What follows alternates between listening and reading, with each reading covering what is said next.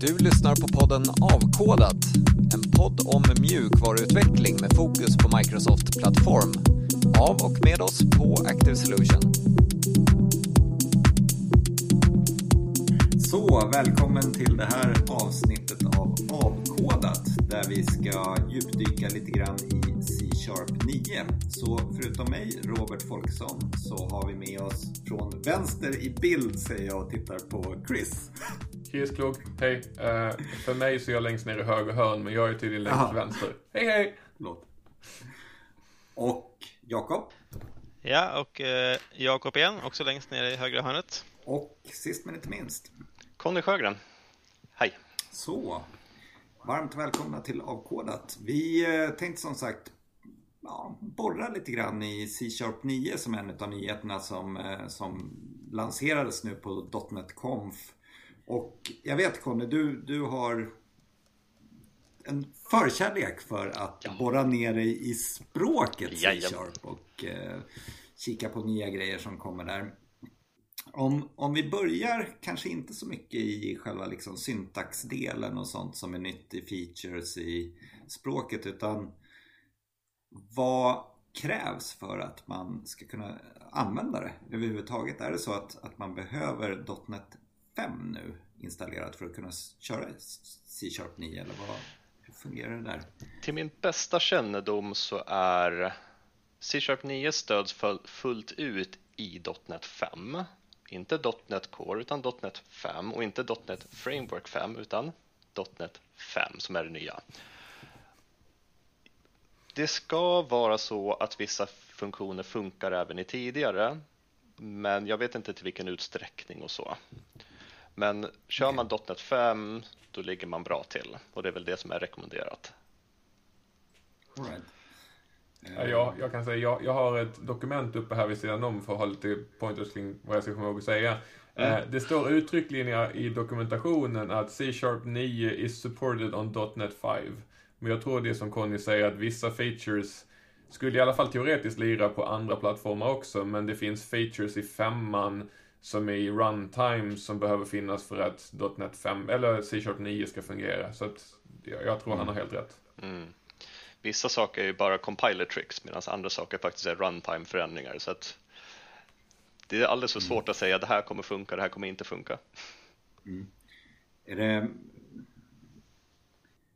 så, sånt som är compiler tricks tror jag kan, kan ana vad det är sånt som vi kommer in på kanske som är lite sådana nyheter men, men eh, runtime-sakerna antar jag kan vara sånt som har med prestanda att göra och liksom hanteringen utav datastrukturer och, och de bitarna. Ja, och sen är det till och med så att ibland så är det så att det här är exponering i språket för någonting som redan har funnits tidigare. Så ibland så är det så att jo, men det här känns som en runtime-förändring. Så bara, nej, det, det, är bara att nu exponeras det. Så att det, okay. det är alldeles för svårt att veta vad det är som är nytt och vad som faktiskt bara är en exponering och compiler tricks. Mm.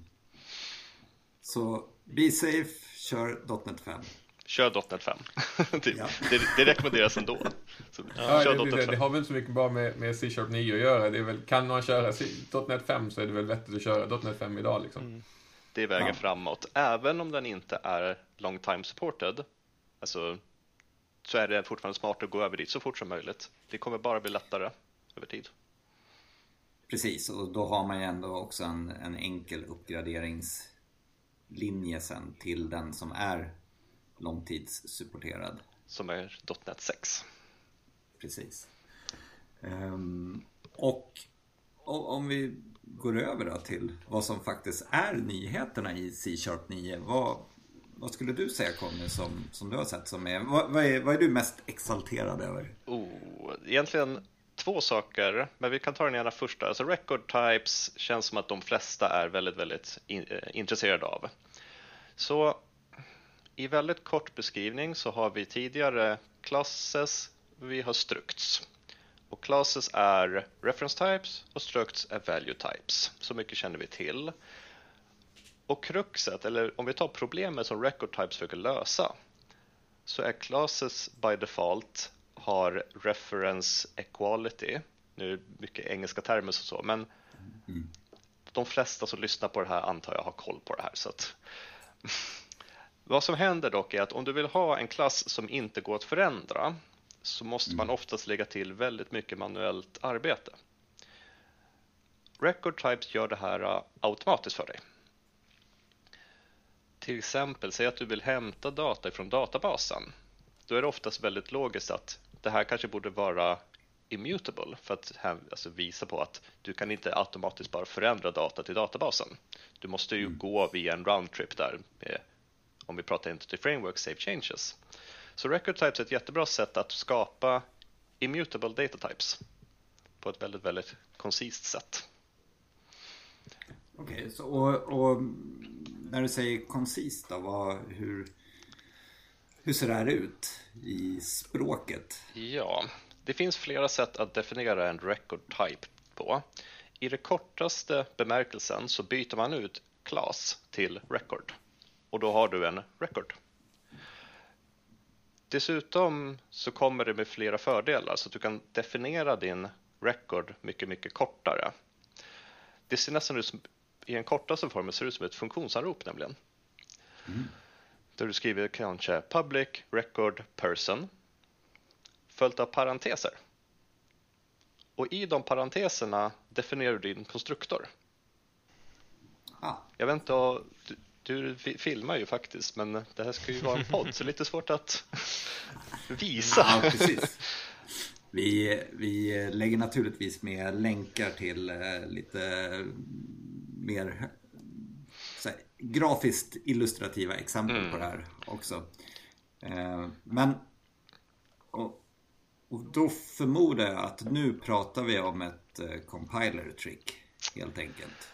Så. Ja, det gör vi. det här är ett compiler trick i mångt och mycket. Jag vet inte om det är något, något komplement från runtimet, men det här är en mm. feature jag vet de har fått funka utanför .NET 5. Okay. Sen vet jag inte om det kommer med några följdproblem, men Nej. det ska fungera utanför. För det är compilern som egentligen genererar upp väldigt mycket kod åt dig. Så till exempel, för de som har försökt göra sådana saker förut så är det alltid jobbigt med det här get hash code och alltså göra value-based equality. Att om du har en person med first name och last name, då är det, har du två sådana att jämföra mot varandra, då är de ju samma om de har samma first name och samma last name. Men då måste mm. du skriva över equals och du måste skriva över get hash code för att annars funkar den inte i en dictionary och sådär. Compilen gör allt det här åt dig.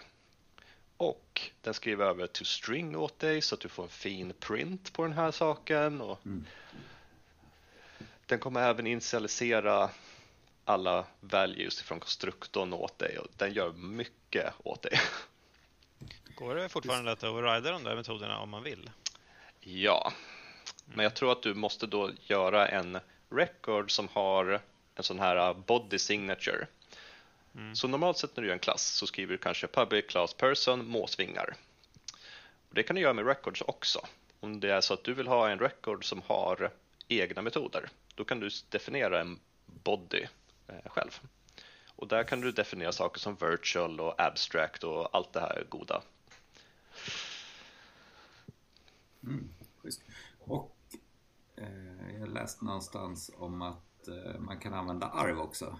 Ja, det är en väldigt märklig grej dock. Exakt. Många som har använt records i andra språk tycker väl att vadå arv i ett record? Det verkar jättemärkligt, men nu är vi .NET. Nu ska vi ha sånt också. Um, men det är väl egentligen mycket för att det är ett compiler trick, så record måste, så länge det är record class, vilket är det normala, så måste du ju stödja arv och sånt. Och det fungerar med serialisering och sånt också.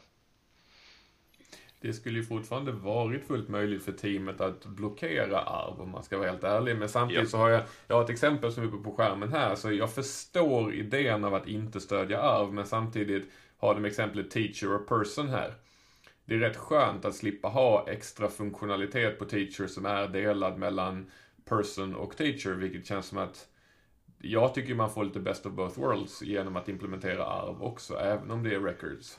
Mm. Mm. Det, är, det är liksom två olika scenarion som man vill stödja där. Jag håller med dig att arv jag tror att det är en sån där grej man kommer tycka om att de gjorde. Men de flesta kommer inte använda det för arvs skull. Jag, jag, kan tänka mig att det beror också på hur man använder records. Alltså för DTO så, så kanske det inte är speciellt nödvändigt om det bara handlar om att ha immutable dataskyfflingsbehållare. Mm. Men kanske i andra scenarion. Ja, vad, vad ser, ser ni några andra scenarion där man kan använda det? Jag tänkte själv på meddelandehantering till exempel.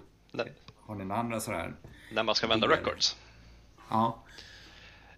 Jag är kanske lite vågad att säga att jag skulle nog använda records alltid tills jag vet varför jag inte skulle göra det. Mm, intressant. Just för att du får så många fördelar av det. Men sen föredrar jag också immutable data. Jag tycker om mm. den stilen att programmera på. Så där jag skulle säga kör det hela tiden så kanske någon annan skulle vara lite mer reserverad på den fronten. Jag tror att vi kommer se patterns som kommer ut i, i .NET-världen också som är mycket mer immutable-inspirerade. I och med att det varit så knöligt tidigare så har man ju liksom inte riktigt valt den vägen i min värld, men det känns som med records så, så är det mycket lättare att göra och då, då tror jag att det kan få lite moment faktiskt. För om man tittar i andra språk så, så är ju immutable ganska populärt. Um, så jag tror att vi kommer se initialt kommer man nog se ett skifte där vi kommer, det kommer vara den mest felanvända prylen på, i världshistorien för C-sharp. För alla kommer använda det överallt och inte riktigt förstå varför eller hur eller vad vinsten är det. Och sen så tror jag att vi kommer se eh, patterns kristallisera ut sig när, det är användbart. Jag är lite grann som du säger Robert, jag är för, för dataskiftling och, och DB-anrop och liknande känns det som en alldeles ypperlig lösning. Jag hade faktiskt en artikel eh, som jag såg häromdagen av Vladimir Korikov. Han bloggar mycket om domändriven design och där är ett tillfälle där han tycker att det här inte passar in faktiskt. Mm. Just när man ska skapa de här mer sofistikerade datastrukturerna där du har så kallade invariants som du ska skydda och så. Där passar inte records in, säger han. Och det kan jag väl hålla med om. Däremot passar de fantastiskt väl till value types. Ja. Eh, eftersom det är svårt att skapa value types i, med EF och liknande i dagsläget eftersom EF kräver ett ID i vilket fall som helst och lite sådana saker. Absolut. Men de ska ju per definition vara immutable. Um, så det känns som en väldigt vettig ställe att kanske kombinera records med classes i, i en DDD-värld. Men det är som ett, eh, alltså om man jämför då en, en enkel record med två string properties med då en, en strukt till exempel, en read-only strukt. Är de ekvivalenta då, förutom att den, den ena är by reference fortfarande och den andra är by value? Det är den skillnaden, men framförallt är det att det är mycket mer koncist då att deklarera en record. Ja. Eh, structs kommer i C-sharp 10 att kunna vara records också, men just nu kan de inte det. eh, men, men i mångt och mycket så skulle du kunna jämföra det som så, ja. Mm. Record classes försöker vara en reference type som är ja, value equality, ja, svårt, svårt det här med orden, men den, den försöker vara... Ja, de pratar om value, precis, de pratar om value semantics, att det beter sig som att de, men, men det är fortfarande som by reference. Exakt. Så att den kopieras inte på stacken i alla anrop. Exakt, exakt. Ja, just det. Och det är väl där den största viktiga skillnaden mellan record och strukt. Mm. Den ena kopieras på stacken och den andra är by reference fortfarande. Mm. Ja, kul. Right. Ja, det äh, känns som någonting som kommer användas mm. mycket som sagt var.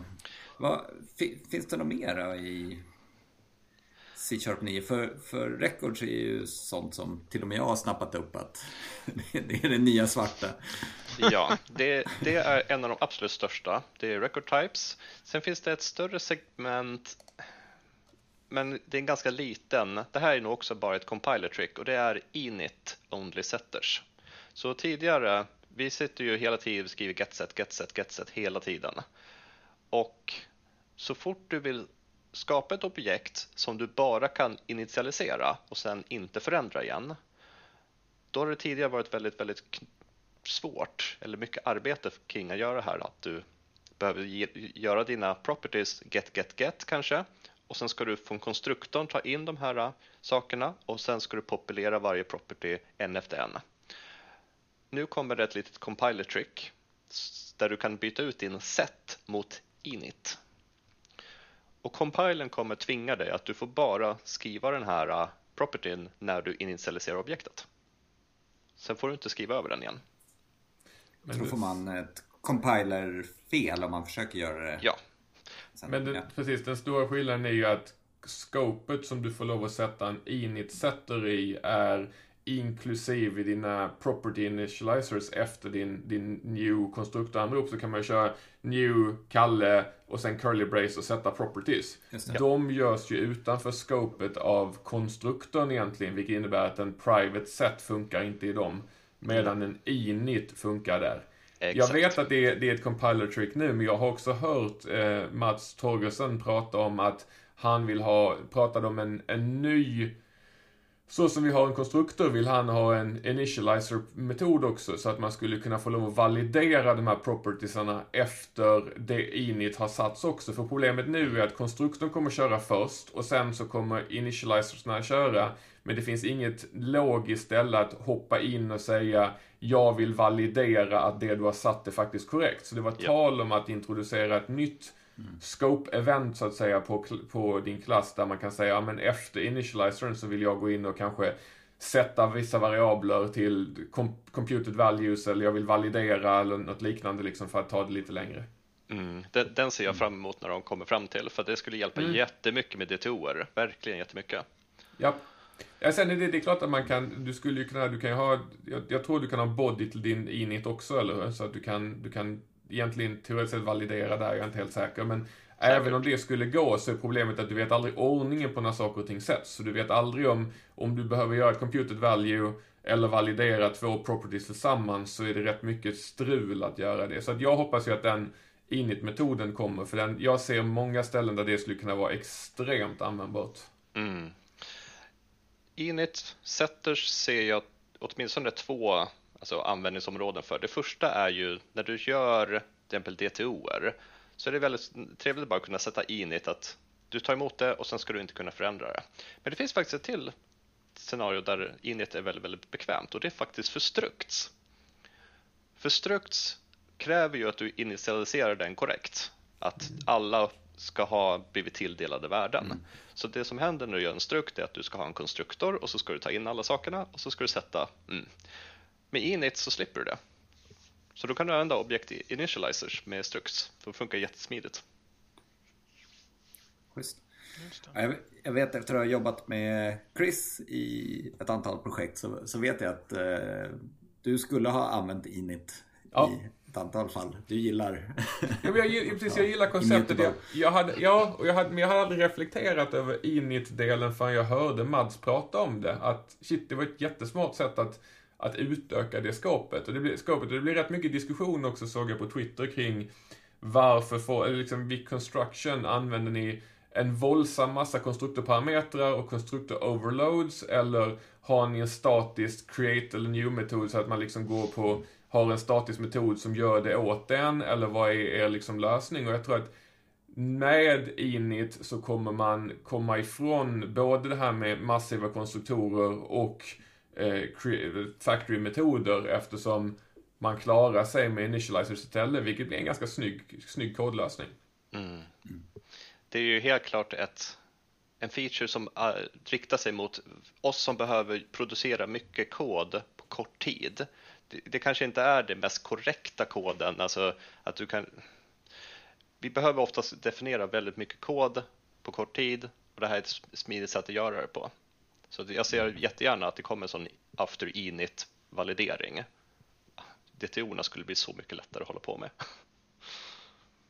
Sen är det lite intressant, jag tycker om man ska titta på de senaste generationerna av C-sharp så har det kommit väldigt mycket syntaktiska delar som är snabbar upp och minskar mängden kod och, och gör saker och ting lättare att skriva. Men jag, lättare att läsa är kanske en tveksamhet om jag ska vara helt ärlig i vissa scenarion. Det är här jag blir lite orolig att det här kommer att potentiellt explodera i jättekonstig initialiseringskod och, och lite grejer. Så att jag är, inte, jag är inte helt överens med alla nya C-sharp features baserat på att när det bara handlar om att minska keyboard-knapptryckningar och göra mindre kod så försvinner läsbarheten delvis också, har jag en känsla av. Och det blir svårare och svårare för nya utvecklare att ta sig in. C-sharp var ett ganska lätt språk att ta sig in i för 5-10 år sedan. Nu är det väldigt mycket, nu finns det scenarion där jag plockar upp kod och tittar och tänker wow, vänta lite grann här och så behöver jag tänka efter och jag har ändå jobbat med C-sharp sedan .NET 1.1 eller .NET 1 till och med. Och det där var en rolig segway. På tal om att eh, det ska bli lättare att komma in i. Vi pratar då nästa feature om vi känner oss klara med init only setters och då skulle det mm. vara top level statements. Och här ska jag bli irriterad. och nu kommer arga farbrorn. Nu kommer arga farbrorn och gnäller på hela grejen. Nej, saken är så här. Jag råkade nämligen på NDC London för något år sedan prata med Bill Wagner om just det här, för jag sa att jag ser att vi har try.net där vi kan sitta och prova att programmera C-sharp på nätet. Men steget från try.net till att sitta hemma och prova att lära sig C-sharp som ny utvecklare är ganska högt. För det behövs en CSPROI-fil och så behövs det en, en klassfil och så behövs det en public static void main som man måste förstå vad den gör och lite using statements. Så, och när vi pratade om det så sa jag det att jag skulle vilja ha ett steg emellan det här. Jag skulle vilja ha en typ så som Node hade Node JavaScript-fil, exekvera min kod och så är jag klar. Och, och Bill och jag pratade om det där och han sa det där är jättebra, lägg in en, lägg in en GitHub-issue på det där. Så jag skrev en, en ganska lång förklaring och en jättelång issue med liksom allt vad jag ville och fick mothugg från alla håll och kanter att det där var helt meningslöst, det fyllde ingen funktion. Script Sharp eller CSX-filer fyllde exakt samma funktionalitet och det ena med det andra. Och jag, så jag till sist efter ett par dagar av liksom försöka försvara min idé så la jag ner och tänkte, ja men screw it, det är väl en dålig idé då. Och sen ett halvår senare så bara Tada! Vi har lanserat den här prylen som är top level function så man slipper ha en CS Pro de kanske, har liksom, de kanske har insett nu att det är ett problem att det är så pass svårt att liksom ja. ta till sig C-sharp. Och det är väl huvudsakligen det, det, I min värld så är det ju inte jättemycket för liksom, produktionsapplikationer här. Nej, så att... Nej. Inbillar jag mig, utan det är bara ett sätt som gör att sampleprogram och sånt och prova på sånt blir ju mycket, mycket enklare naturligtvis. Mm. Och det var det jag, min, min idé när jag pratade om det var liksom ge ett bra steg från try.net på nätet där man skriver koden online och får den att kompilera till jag börjar skriva någonting hemma. Jag behöver fortfarande inte NUGET-paket och grejer. Och sen så när man kommer till, jag vill börja använda externa paket, så kan man börja kolla på, då behöver jag en CSPROI-fil. Det vore jättebra om det fanns ett .NET-kommando för att helt enkelt ta min single-fil, min top-level function till att göra den till en faktisk konsolapp med en CSPOI-fil, så att man liksom hade naturligt steg vidare. För jag tror tyvärr att vi tappar mycket utvecklare idag i C-sharp-världen till inom situationstecken lättare språk. Alltså jag säger inte på något vis att JavaScript är ett lättare språk. Enligt mig så är det klart svårare för det har en massa caveats inbyggt, men det är mycket lättare att komma igång. Man behöver Notepad och Node och så är man klar. Eh, visst, man kan köra .NET och sen så .NET New och, och så i .NET New så får man en CSPOI-fil, en C-sharp-fil och using statements och NUGET-paket och grejer och så är det liksom, puh, jag har ingen aning. Men eh, Conny, jag tänkte de, de som mot förmodan inte vet vad top level statement är. Exakt. Kan du förklara vad, vad det är? jag tänkte precis komma till det också. Så ja. när man skapar en ny eh, applikation i C-sharp så får man, precis som Chris var inne på, du får en CS-profil och så får du en program.cs. Och den program.cs innehåller oftast då ett namespace och sen i den har du klass programs by convention och i den så har du static void main. Och alla C-style-språk som jag känner till har en så kallad public static void main-metod. Och väl där inne så kan du börja skriva din kod. Och det här är, precis som vi alla är överens om, det är ganska svårt som nyutvecklare att lära sig C-sharp för att det är så mycket nonsens. Så top level statements, ta bort allt det där konstiga bara för att göra någonting väldigt kort koncist. Så nu i C-sharp 9 kan du göra din program.cs kan vara bokstavligen system.console.writeline hello world. That's it. Mm. Namespace försvann, din klassprogram försvann, din static void main försvann. Du kan bara skriva koden så som du vill göra det. Top level statement säger dock att du får bara ha en fil i ditt projekt som är så här då. Så det här är ju det här är tänkt för teaching eh, material och för små konsolapplikationer. Så, och det är precis vad Chris efterfrågade i sin issue, att det måste vara lättare att börja få experimentera med C-sharp. Jag, såg, jag, tror, jag tror att det var David Fowler kanske som skrev en, liksom en, en webbserver så att säga på, på en rad med hjälp av den syntaxen. Uh, det är också trevligt och det är sånt man har sett i en del andra språk, liksom, att det blir otroligt koncist. Uh, och så väldigt... jag, har liksom en, jag har en brorson som, vill lära, som, som potentiellt vill lära sig programmera och jag vet liksom inte riktigt vad jag ska börja med. Och jag, C-sharp har varit för svårt att sätta igång med för det är så mycket annat. Nu tycker jag att det finns potential att, att visa programmeringsgrunderna med det här utan lullull runt omkring. Mm. Uh, så jag, jag, jag, tycker att det här, jag har faktiskt inte hunnit prova det ännu, men det ligger på min lista över att det här, det här vill jag faktiskt ta en titt på för utbildningsscenariot.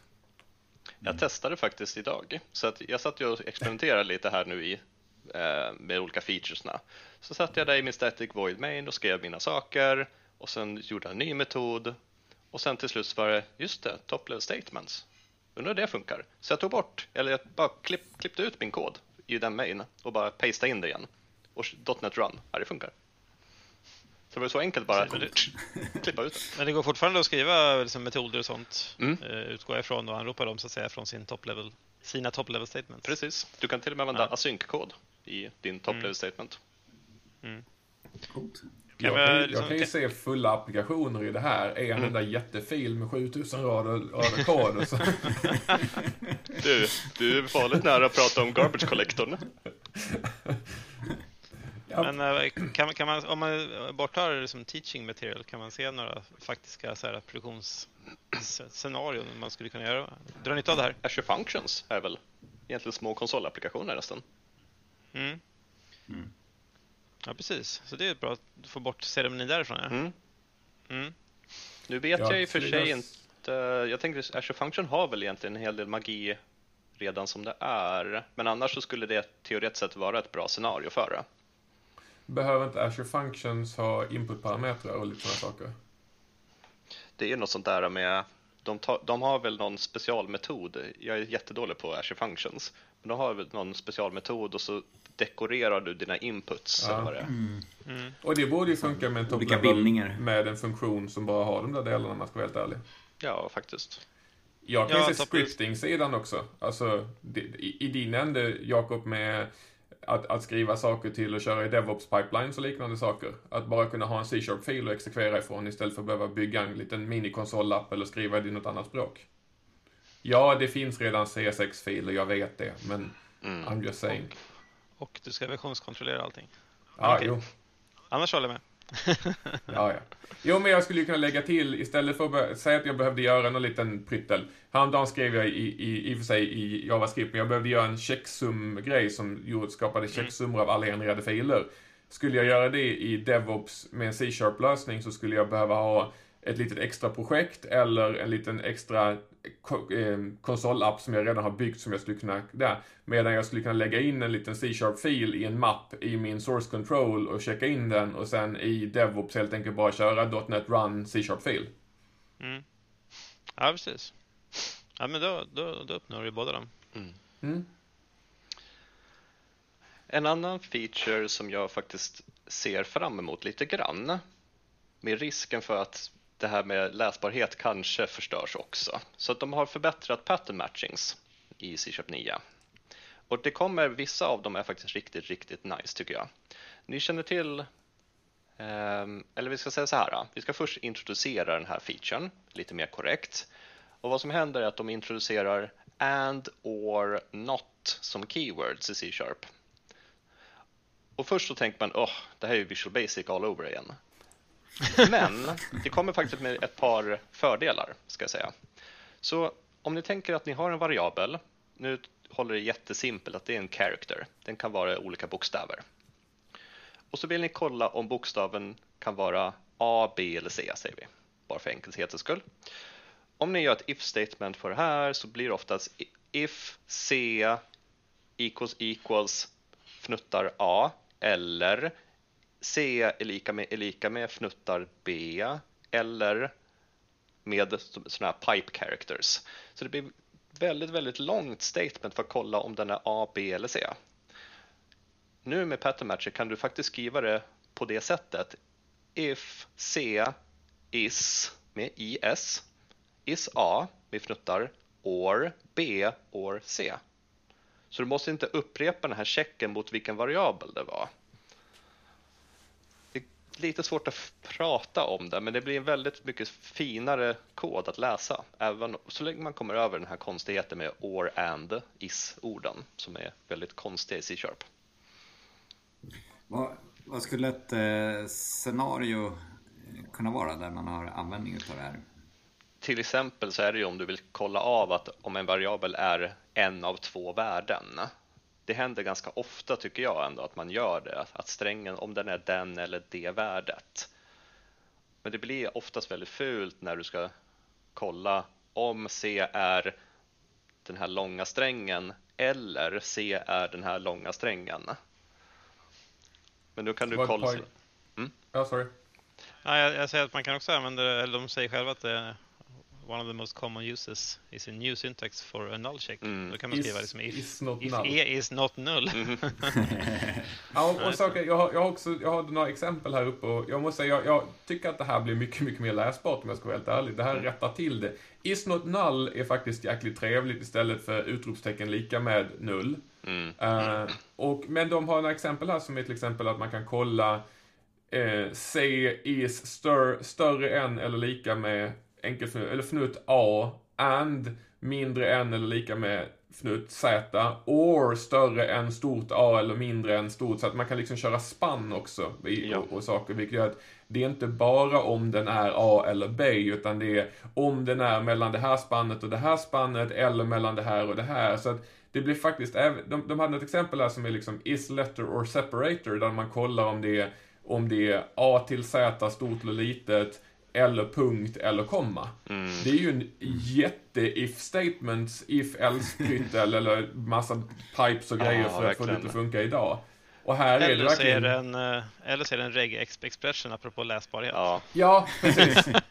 och antingen är det som jag, som, jag som kan läsa regex, men de flesta ja. kan inte det. Och tänka Nej. sig den här is letter or separator metoden de har som exempel här i gamla. Det skulle ju vara if C equals equals, någon konstig parentes där C ska vara större eller lika med A och och C ska vara större eller mindre eller lika med Z. Och så ska du ha pipe characters efter din parentes och så ska du göra samma harang. Alltså det som Chris säger, det är världens största if-sats för någonting som är helt omöjligt att läsa dessutom. Men det är roligt för du, du nämnde det Conny, att det, man får ju ändå lite så här VB-vibbar ju. Mm. Eh, eller hur? Det, vilket inte är odelat positivt. Nej. Men man får ändå erkänna att det blir mer läsbart liksom. VB chills. Yes. Ja, exakt. Vi, vi jag är å andra sidan glad att de valde and och or här och inte introducerade något nytt, någon jävla emoji character eller någonting som var liksom, hej du behöver trycka då på ett svenskt tangentbord, ja. alt 52 F62 punkt kolon enter. Man bara, ja men okej. Det här är ganska lätt att läsa, lätt att förstå och lätt att skriva. Men alltså det går rätt fort att skriva is not på tangentbordet. Man måste inte använda utropstecken i lika med. Det går Nej. faktiskt rätt fort. Så att jag, jag köper det, jag tycker det är rätt nice faktiskt. Det går även att använda i de nya pattern expressionsna som de har i C-sharp 8 och sådär med switch statements och sånt. Så att den kommer vi nog se mycket av faktiskt. Mm. Mm. Snyggt. Men det är risk för att det blir ibland svårare att läsa. Men jag tror inte det. Jag tror mm. inte det är så ofta. Mm.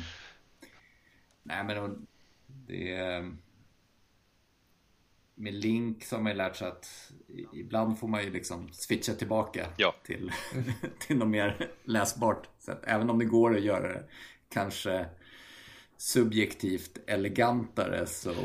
Det där kan... Ja. Bra att du nämner Link. Det där kan ju faktiskt göra många where statements i Link mycket lättare att läsa. För att det blir så ja. koncis faktiskt. Just det. Just Jättebra det. scenario faktiskt. Mm, mm. Annars håller jag med om, jag vet när man körde ReSharper, vilket det inte gör längre, men just den här, man skrev någonting och så var åh förlåt, får jag konvertera ett litet link expression för dig? ja, det får ja, du. Ja.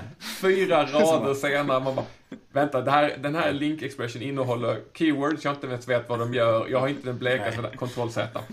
Eller, eller git push för att du är nöjd. Ja. De förstår det säkert. Ja, det är inte mitt problem längre.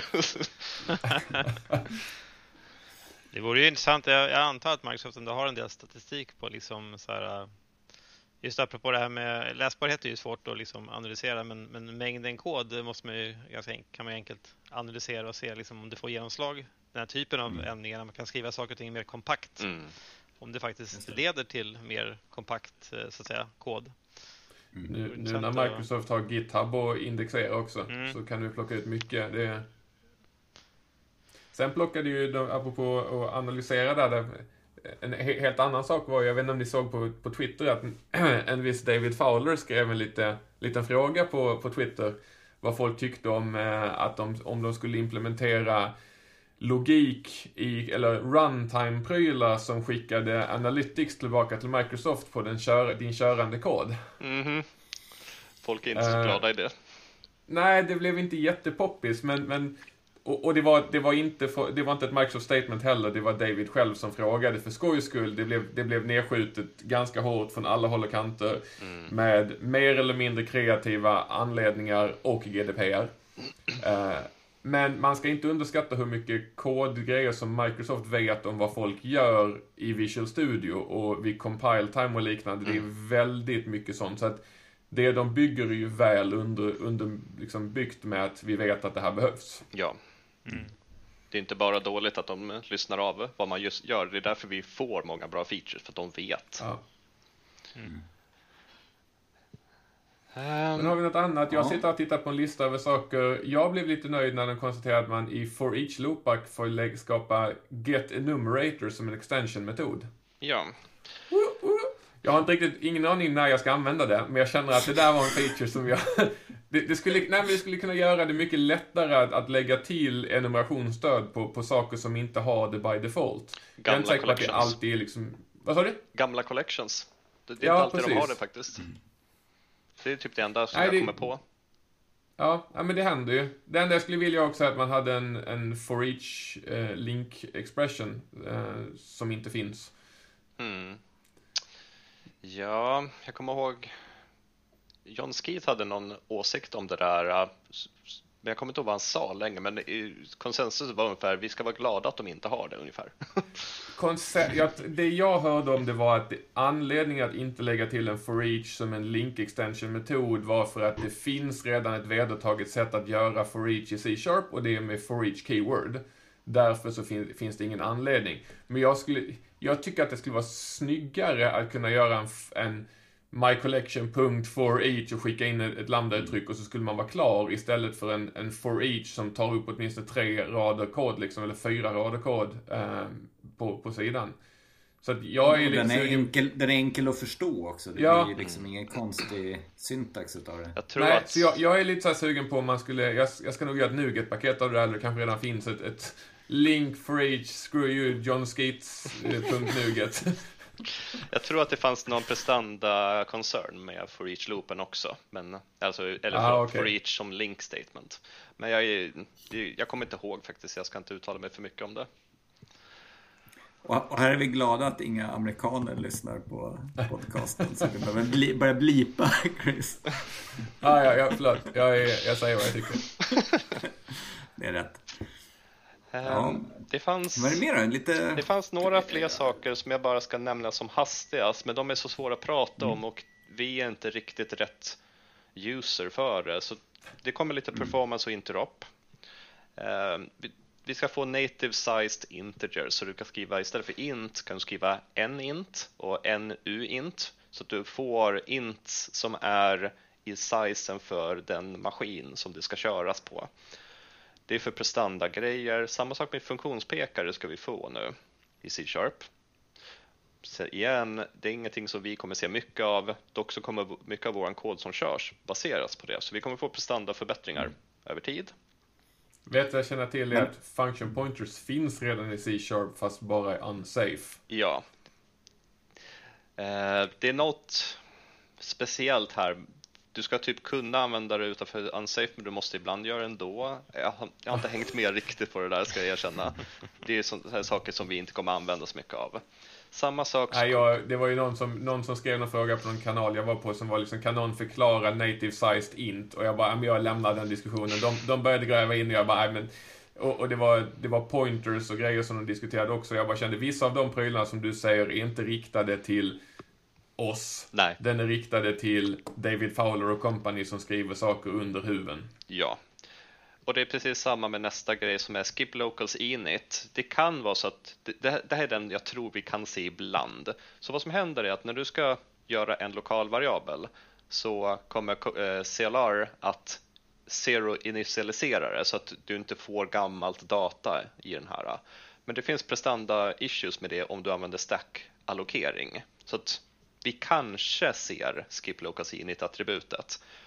Men det är typ det. Så jag tänkte bara nämna det bara för att. Det, det de säger också att gör inte sådana här saker utan att benchmarka. Benchmark först och sen kan du titta på sånt. Mm. Någon right. annan grej som jag tror att alla vi kommer bli väldigt glada över. Det är en ganska liten feature, men det är Targeted Type New. Ni alla kommer ihåg hur det känns när man ska göra en dictionary som private field. Private read only dictionary av int till en lista av weather observation. My weather observations är lika med new dictionary av int till en lista av, ja, den är ju mycket ceremoni. Mycket ceremoni. Så vad som händer nu är att om compilen vet vad targeten är för typ, då behöver du inte specificera det längre. Mm. Så då kan du ha din dictionary där och så säger du bara new parentes. Just det. Så det blir jättekort det... initialisering. Och det var inte bara där såg jag heller, utan man kan göra det när man skickar i alla ställen där man newar upp någonting kan man använda det. Så även om det är en input-parameter, en optionsobjekt eller något liknande till en metod, så kan man bara i anropet ange new parentes parentes om man inte vill ändra på objektet utan man har default-implementationen. Mm. Vilket gör att man får mindre kod. Men du kan ju även ta new parentes parentes måsvingar och sätta i eh, mm. med init. Mm. Så att du slipper specificera typen väldigt ofta nu. Sen betyder det att ibland kommer det bli svårläst, men i många gånger så är det väldigt nice. Just i det scenariot, då skulle man ju nästan vilja droppa new helt och hållet. ja. Om du skriver så här, som du har där, weather station är lika med new parentes och sen så är det bara måsvinge och så sätter man en property. Det känns som att man borde kunna man borde kunna skippa new där. Egentligen, men jag tror att de vill highlighta att det faktiskt är en allokering som sker. Men jag är inte säker. Mm. Eller så finns det någon eh, ancient anledning till att du kan inte kringgå Nej. konstruktorn utan new. Jag tror att det potentiellt kan bli parsing-problematik. Eh, med bara att lägga till eh, curly bracer och grejer eftersom de dessutom används till initialisering av kollektioner och listor och lite sådana saker. Så att jag, jag tror mm. att det finns en anledning, men det mm. borde de kunna ta sig runt. Det är en pull request. Det är bara att gå in och skapa. det kommer några små saker till också. Uh, static kan du använda på Lambda och Anonymous Methods, vilket är nice för att undvika misstag med Capturing Variables. Uh, en feature som jag, jag vet inte hur ofta, den skulle jag aldrig använda för att jag kör nästan aldrig arv, men Covariant Return Types, vad tycker ni om det? Har ni koll på vad det är? Ja. ja, det kommer jag ihåg att jag liksom önskade mig för, för länge sedan. Ja. Det kan ha varit eh, sådär, men nu känner jag inte att jag liksom haft det behovet på ett tag. Nej. Precis, men, den, den, den, väggen har man ju sprungit in i mm. någon ja. gång, minns jag. Det förstör ju min, min presentation om uh, Solid-principerna, för jag säger att det behöver man inte bry sig om i C-sharp, för vi har inte covariant return types. Så nu ju, får jag gå och ändra min PowerPoint-presentation där. Vi kanske ska förklara för allmänheten vad det betyder om man inte är insatt i covariant return types och, och, och uh, contravariant ja. uh, input parameters. Ja, är det någon som känner att de kan förklara det här på något bra sätt? Alltså jag har inte sett vad som kommer här, men idén med covariant return types uh, gissar jag är att om man ärver från en klass så får man lov att returnera ett, det objektet som basklassen returnerar eller ett objekt som ärver från eh, mm. den klassen. Och i C-sharp har man inte kunnat göra det för man får inte lov att ändra signaturen på metoden som man ärver. Yep. Uh, men det stödet har fortfarande funnits där, för om, om basklassen returnerar bil så får jag fortfarande returnera sportbil från min ärvda klass. Yep. Men returtypen blir per definition en bil och sen så får jag köra en cast på den senare om jag vet att det är en sportbil. Det jag förutsätter att de har introducerat här är att man får lov att ändra returtypen på den ärvda klassen, eller? Ja, stämmer. Mm. Så nu om du vet att klassen är av den mer specifika så får du i IntelliSensen veta att det är en sportbil också. Mm. Man kan väl tänka sig då om man har till exempel apropå sådana factory-metoder då antar jag. Du kan ju ha någon default factory-metod i basklassen men sen i din sportbilsklass kanske du lägger på en factory-metod mm. som heter create sport car. Just det. Och då kan den faktiskt returnera en sport car explicit så att säga. Ja. Mm. Eh, och, ja, så att annars har man väl behövt kasta ibland då, i värsta fall. Mm. Det, eh, om man inte, ja. Det, men samtidigt är det där med att det ska ju vara samma sak som en bil men samtidigt så ibland vill man ha en sportbil. Mm det är bra. Ibland vill man ju bara ha den där sportbilen.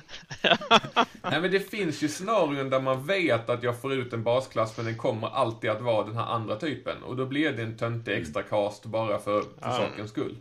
Precis. Mm. Så att den, eh, ja, ja. Men det är som du säger, används mycket, eller de tror att det kommer användas mycket tillsammans med records men också factory-metoder. Det... Mm. Ja, det står det? Mm. Okej, okay, ja. Um, sen, ja, vi, det finns några fler saker men det är svårt att prata om dem i kort form. Det är en som du jag... Du kan förklara lambda discard parameters. Ja, så Lambda expressions använder vi ganska ofta i eh, Link till exempel, men även när man registrerar sig som lyssnare på olika events och så. Och nu i de här äh, lambda-uttrycken så kan man nu använda discards. Discards har vi börjat se rätt ofta i olika scenarion där jag måste ta emot den här parametern men jag ska inte använda den. Då kan du använda ett underscore, eller understreck, för att bara säga jag bryr mig inte om vad det här är för någonting. Och nu ska du kunna göra det för lambda expressions, vilket är väldigt, väldigt trevligt faktiskt. Att slippa specificera eller hitta på ett variabelnamn för någonting du inte vill ha. Mm. Det är också en bra grej att använda för scenarion. Compilern till exempel när man kör asynkprylar, man anropar en metod som returnerar en task, men man bryr sig inte om tasken i sig, utan man bara vill anropa att den kommer köra. Så ger compilern en liten grön squiggly line under och säger att du awaitar inte här. Säger man bara underscore lika med metodanrop så säger man att ja, jag vet, det kommer en task, jag skiter i den. Mm. Så att den här underscore discard-grejerna är, är, mer och mer användbara. Jag tycker man ser dem på fler och fler ställen och det är också trevligt att det är en väldigt tydlig indikation att jag bryr mig inte. Mm. Det är inte så att jag glömt den eller vidare, utan det är verkligen, hej, inte, inte min grej. Japp. Yep. Väldigt bra. Um, vi har ett stort segment uh, och jag, jag, är inte så påläst på det, men det är Code Generators. Är det någon som känner mm. att de har bra koll på Rosling Code Generator? Nej. Vi får ja. ta något eget temaavsnitt kring det. det är ganska... jag, säger som, jag, jag säger som jag på presentationer ibland att uh, jag har en slide på det senare. Ja, just det. Och sen har jag inte det. Mm. Kortfattat så är det ju att nu finns det någon hook så att du kan skriva kod som ska köras när Rosling kompilerar din kod. Okay. Så du kan få code generation i ditt kompileringssteg. Steg. Mm. Så det, jag tror att vi kommer se mycket av det, men just nu vet jag inte var jag skulle ha det någonstans. Kanske för att slippa reflection, det är väl det jag vet. Det är också, jag, kan, jag har ju en bakgrund med lite samhällsprogrammering och VPF och, och Silverlight. Uh, men där, är ju, där är ju, använder man till exempel något som heter iNotify Property Changed. Usch. Och där är ett vanligt ställe där man, man har, vill gärna ha någon kodgenerering för att oh, mina properties skulle egentligen implementera iNotify Property Changed, men ska jag göra det själv så måste jag, måste jag ha en explicit getter och en explicit setter och i settern så ska jag komma ihåg att kolla värdena och anropa Notify Property Changed. Där kan jag säga att man skulle vilja lägga till sin egen code generation och säga att ja, mina properties ska alltid implementera iNotify Property Change till exempel. Mm. Mm. Det, det finns system för det redan med, med tredjepartspaket som gör det med reflection och, och, och attribut. Men det är ju det är nice om det finns ett ställe där man kan plugga in och göra det automatiskt. På tal om det. Kan man tänka, äh, förlåt, jag, jag tänkte på Kan man tänka sig att man har någon sån här obligatorisk säkerhetsattributsgenerering? Ja. Och sånt. Säkert. Det här är ju egentligen bara upp till ens fantasi att komma på vad man ska ha det till. Jag tänkte på eh, input-parametervalidering, alltså nullchecks och sånt. Nu ska vi ju egentligen köra med nullable reference types, men det är ändå någonting man kanske kan ha det här till. Mm. Med säkerhetsgrejer, absolut. Du kan säkert få in så här, om du definierar någon form av debugging-grej, att du får in massa konsollogs eller någonting på bra platser. Just det. Ja, det är ju ett trevligt alternativ i sig om man kunde lägga till en pryl som, eh, som säger om det är ett debugbygge, Ja. lägg till eh, loggning av alla metodanrop till exempel så att Mm. man kan se bara släng på den här, bygg i rätt läge så får man verkligen se här är allt som händer i din applikation till exempel. Och benchmarks. Eh, I like. Det hade varit Det jätteanvändbart här, i det rätt här många kanske fall. kommer bli den mest använda alla. Som vi trodde var något obskyrt litet bara. Ja, just det. Ja, det, det är en begränsning dock. Du får inte editera existerande kod, ja. Då, då faller det. Aha, okej. Du får bara lägga till kod. I och för Aha, sig, ah, men då ska du definiera alla dina metoder som partial och det kommer man ju inte vilja göra. Ja. Precis. Nej, det blir bara konstigt. Nähä, men då var det ju, det var ju helt meningslöst, så det, det struntar vi i det. Japp. Jag vet inte vad jag ska ha det till. Det kommer säkert massor av bra idéer. Jag tror vi kommer se kreativa människor i communityn som kommer fram till att det där går att använda till en, en väldans massa saker. Mm. Kanske någon scaffolding-kod kanske som sen gör någon scaffolding-grej Mm. som körs efter. Ja. Jag tror att det kan, precis, det kan nog bli något alternativ till T4-templets i vissa scenarion. Kanske kan få automatiskt den här Ja, kodmig- alltså databasmigreringsskript och sånt. Att du inte måste gå Ja. via ef. Ja, vilket kommando det är. Ja, men det, det känns som det var en hel del nyheter ändå i C-sharp 9. Ja. Jag, jag, när, när, jag hade tidigare lite så här uppfattningen att ah, det var väl inte så himla mycket nytt, men det känns ju faktiskt som att det var en hel del. Ja, och då har vi skippat några saker också. Man Jag känner att jag skulle behöva 10, det måste ju vara en stor release tänker jag, C-sharp 10. Då måste de ändå buller och bång liksom. En tionde. Jämn och fin siffra. Potentiellt. Det, eh, Jag det, känner bara att jag skulle behöva gå tillbaka och titta på sjuan och åttan också, för det känns som det finns några ställen där jag eh, skulle behöva titta på vad som händer. mm. Har jag en känsla av. Är det något, som hände. Någonting som jag hoppas på i C-sharp 10 det är ju, eller de, de, de arbetar ju på record structs, men jag hoppas verkligen på forward-pipen. Den eh, vore väldigt trevlig, men det kommer nog inte gå. Det är, för de som har sett F-sharp så är den här eh, pipe eh, större än för att skicka parametrar höger i ledet. Till och med JavaScript ska ju få den.